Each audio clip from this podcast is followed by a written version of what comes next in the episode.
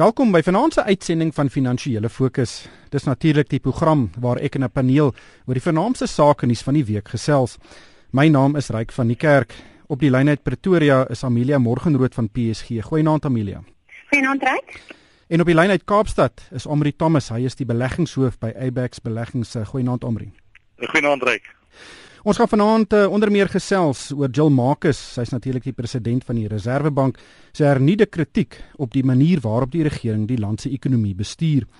En dan het die jongste rapporteringsseisoen ook begin en ons gaan vanaand kyk na winsaankondigings van Absa, Liberty en British American Tobacco.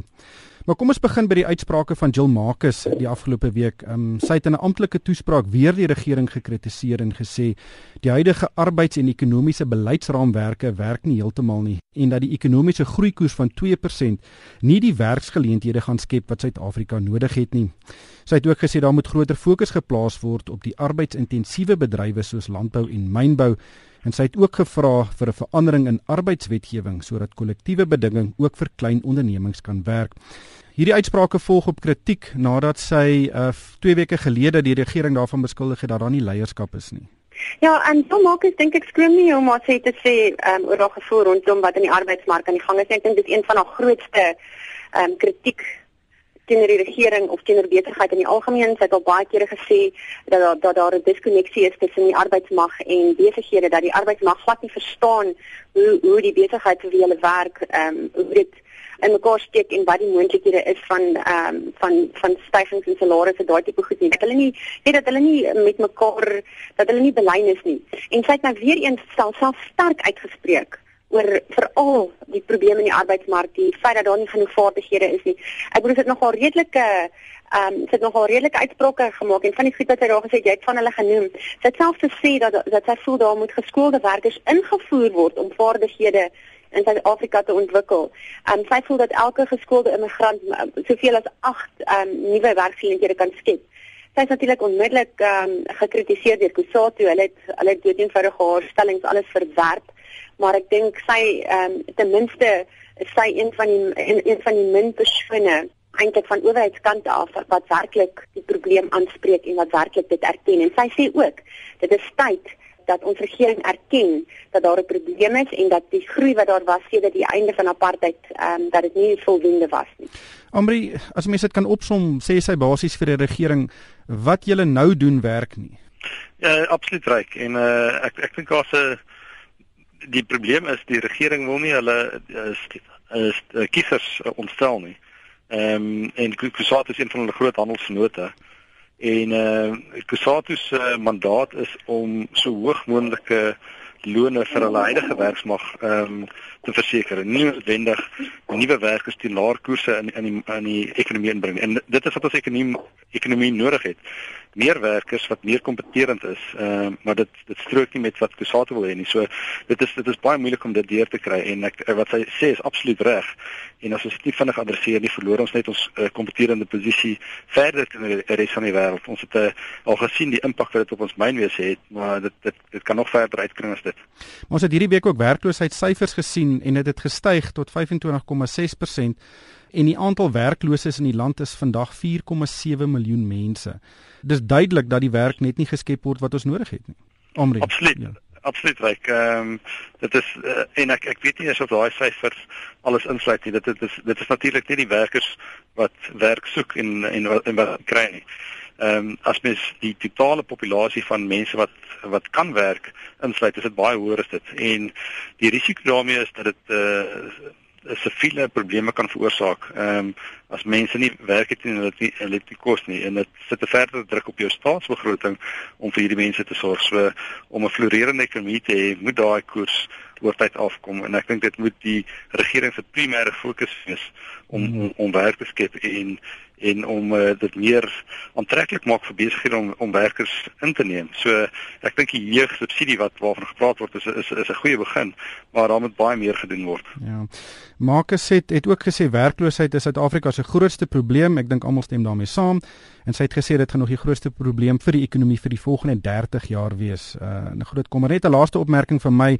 Dis vir my verstommend um dat daar geen aansporingsplan is vir bestaande ondernemings om bykomende werkers in diens te neem nie. En ek ja. dink daar is 'n groot beleidsleemte oor hoe ehm um, weet vir al klein ondernemings ingespan kan word om nuwe werksgeleenthede te skep.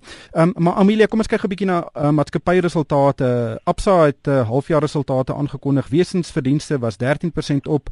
Hulle het 'n uh, stewige dividend uh, aangekondig, 'n gewone dividend van 350 sent en 'n spesiale dividend van 708 sent. Die mark het egter nie hiervan gehou nie. Die aandeleprys het met 6% geval. Wat was jou interpretasie van die resultate?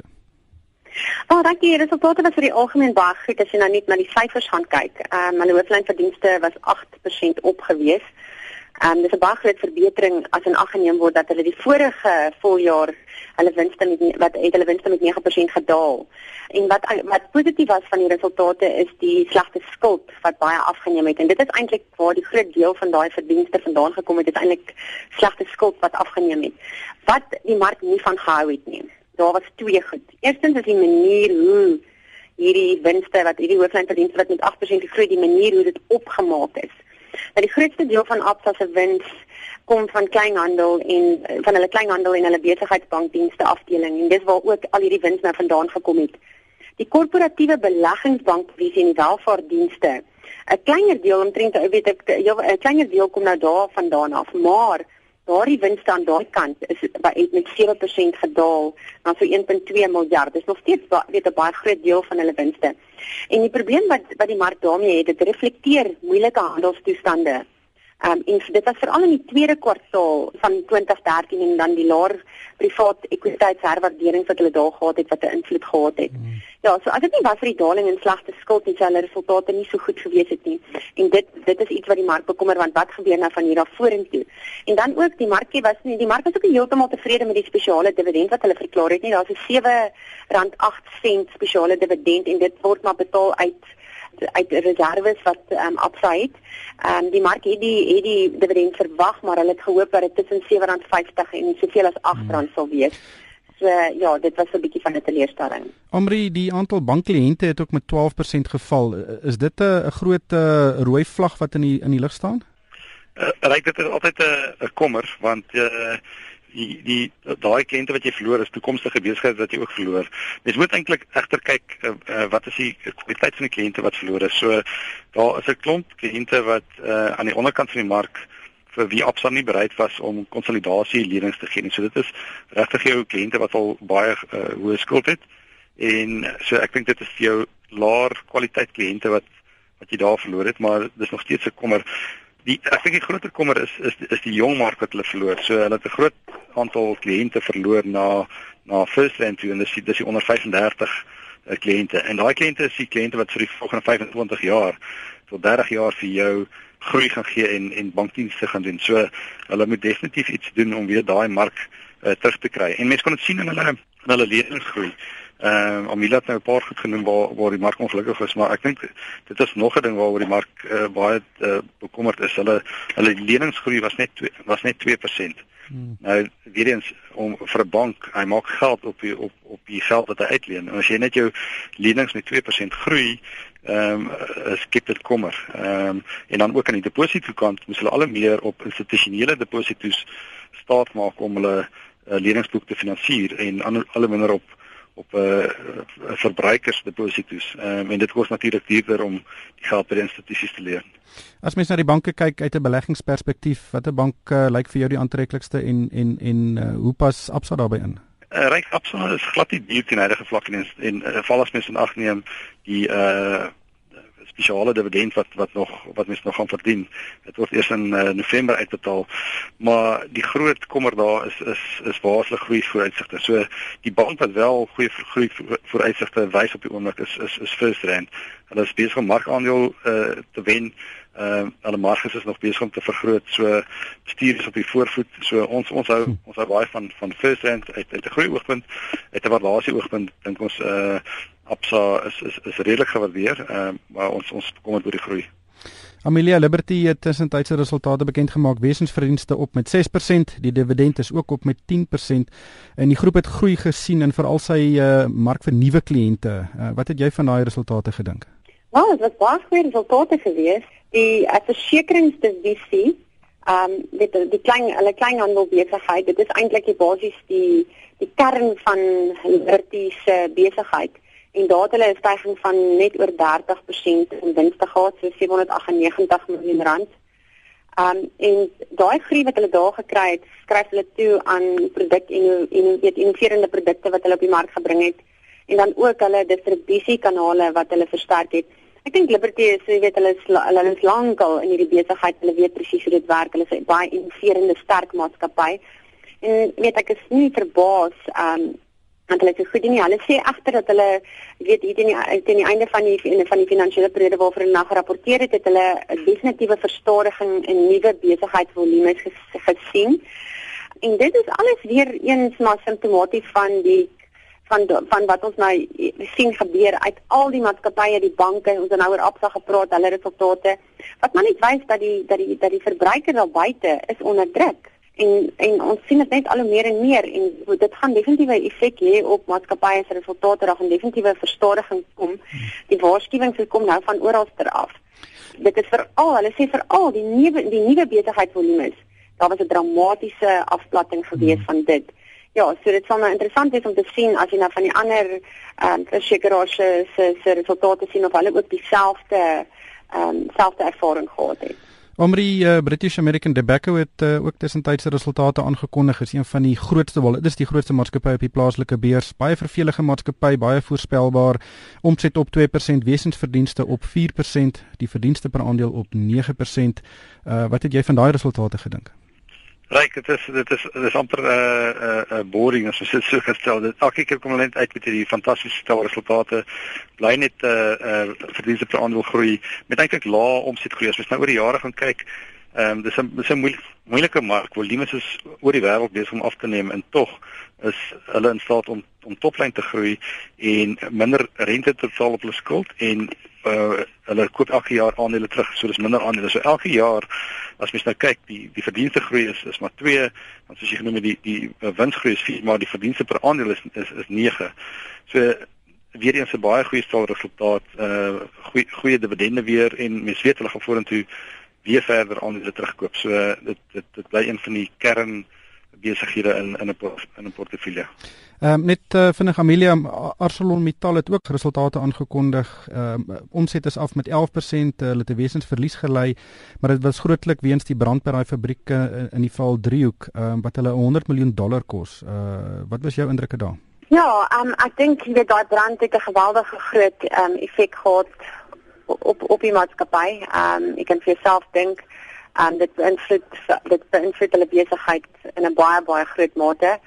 Ehm um, ek dink oor die algemeen kommoditeitsmaatskappye, um, ons sien al meer en meer al die kommoditeitsmaatskappye wat resultate publiseer en bekend maak, ehm um, almal is onder geweldige druk. Omri die JSE het 'n baie goeie week agter die rug uh, en ons is weer op koers om 'n nuwe rekord hoogtepunt bereik en dit volg nadat ons in Mei en Junie uh, gesien het hoe die markte skerp gesak het uh, omdat daar kommer was oor die Amerikaanse stimuluspakkette. Uh, wat is jou siening nou van die van die mark?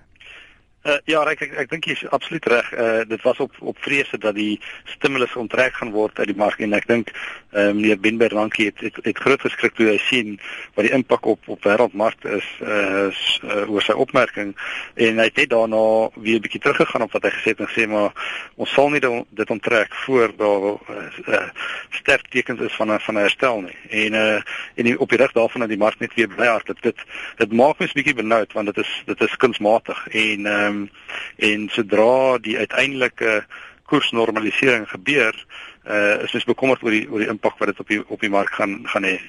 Ehm um, so ek dink beleggers moet maar versigtig wees ehm um, en en probeer om in die die regte aandele te wees wat wat uh hulle teen so so skok sal beskerm.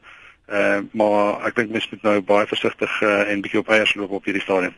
Maar daar is altyd ontleeders wat waarsku, weet jy, 'n regstelling om die draai. Maar dit klink vir my of daar meer en meer mense begin sê luister ons moet regtig versigtig wees. Ons weet nie wat gaan gebeur as die as die Amerikaanse Federale Reserve nou uiteindelik daai uh, ondersteuning begin inkort nie. Ja, ek dis dis ons is op ongekende grond want dit is dis amper asof hulle besig is met 'n monetêre eksperiment ehm um, op op die wêreldekonomie en uh en hulle het nog nie voorheen gesien wat wat die uitkoms van so so eksperiment nie. So ehm um, ek dink ons moet maar net probeer 'n uh, uh, portefeulje kies met met kwaliteit aandele wat wat uh jou selfs deur onveiligheid uh, sal sal beskerm. Ehm um, maar dit is dit is moeilik want as jy kyk na jou jou ander bateklasse, ehm um, die jou kontantkoers is laag, jou staatsefekkoers is laag, so ehm um, dit dit hou jou maar maar in die mark. Eh uh, maar ek moet sê mense mense sit maar naby aan die punt van jou stoel op die oomblik eh uh, uh, oor oor hierdie kommer.